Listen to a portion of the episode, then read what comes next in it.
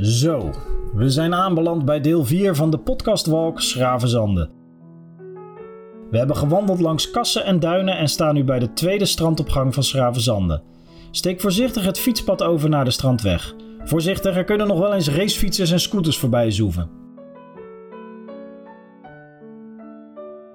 Langs de strandweg loopt een stoep waar u kunt wandelen, maar bent u wat avontuurlijker aangelegd, dan kunt u natuurlijk ook offroad gaan en het paardenpad kiezen dat over het dijkje langs de strandweg loopt. Loop de heuvel af met aan uw rechterzijde enkele glastuinbouwbedrijven en links het dijkje.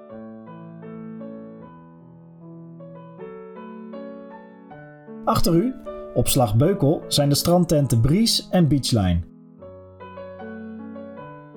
Deze strandopgang is zomers populair onder de lokale bevolking en badgasten uit de hele regio. Ook kun je hier veel strandactiviteiten boeken bij Wato-events zoals blowkarten, kiten en brandingraften. Het is een levendig strand met ruime parkeergelegenheid voor zowel auto's als fietsen. Er zijn diverse openbare toiletten en prima omstandigheden om te surfen of te kitesurfen.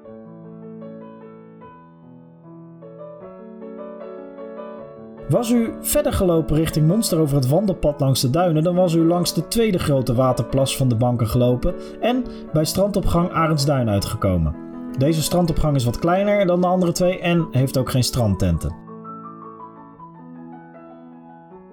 Aan het begin van de avond zijn er veel wandelaars uit Schravenzande die bij Slag Beukel het strand oplopen voor een wandelingetje of om even de hond uit te laten.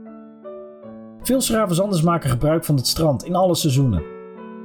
Het strand is dan ook een belangrijk aspect van wonen in deze stad en diep geworteld in de identiteit van de lokale bevolking. Tijdens de watersnoodramp in 1953 in Zeeland had het niet veel gescheeld of het Westland was ook overstroomd.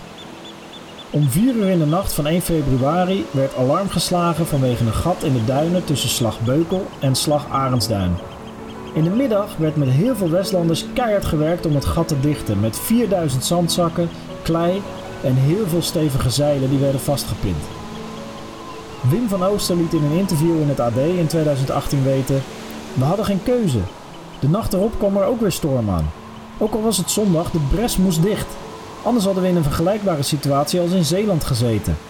Het Hoogheemraadschap stuurde de situatie aan. De een zandstuk vullen, de ander sjouwen en we gingen door totdat we niet meer konden. De lokale krant schreef later: Het was vooral te danken aan hun paraatheid en het zweet van de 150 Westlandse kerels die als karrepaarden hebben gezwoegd om hun tuinderijen en weilanden tegen de vernielende kracht van het zoute water te beschermen. En die hebben verhoed dat Nederlands vruchtbaarste groentetuin verzwolgen werd.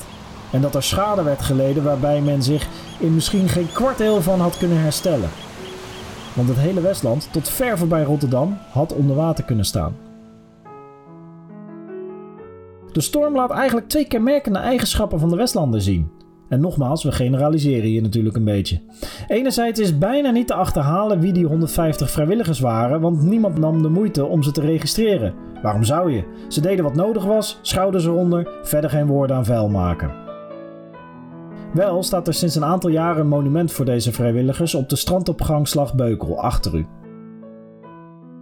Daarnaast werd een dag na de bijna ramp in het Westland gelijk een inzameling opgestart voor de slachtoffers in Zeeland. Geld, voedsel en kleding werden verzameld en naar Zeeland gestuurd. En ook werden in het Westland tijdelijk 1300 evacuees uit Zeeland opgevangen tot het weer veilig was om terug te gaan naar de eigen provincie.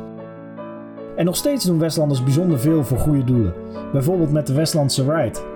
Dat is een fietstocht waarmee geld ingezameld wordt voor onderzoek tegen kanker. En zo zijn er jaarlijks nog veel meer initiatieven om geld in te zamelen voor goede doelen. Kortom, goed volk, die Westlanders. U loopt momenteel over de strandweg richting de Noordlandse weg. U kent direct door met deel 5 van de podcastwalk Schravenzanden.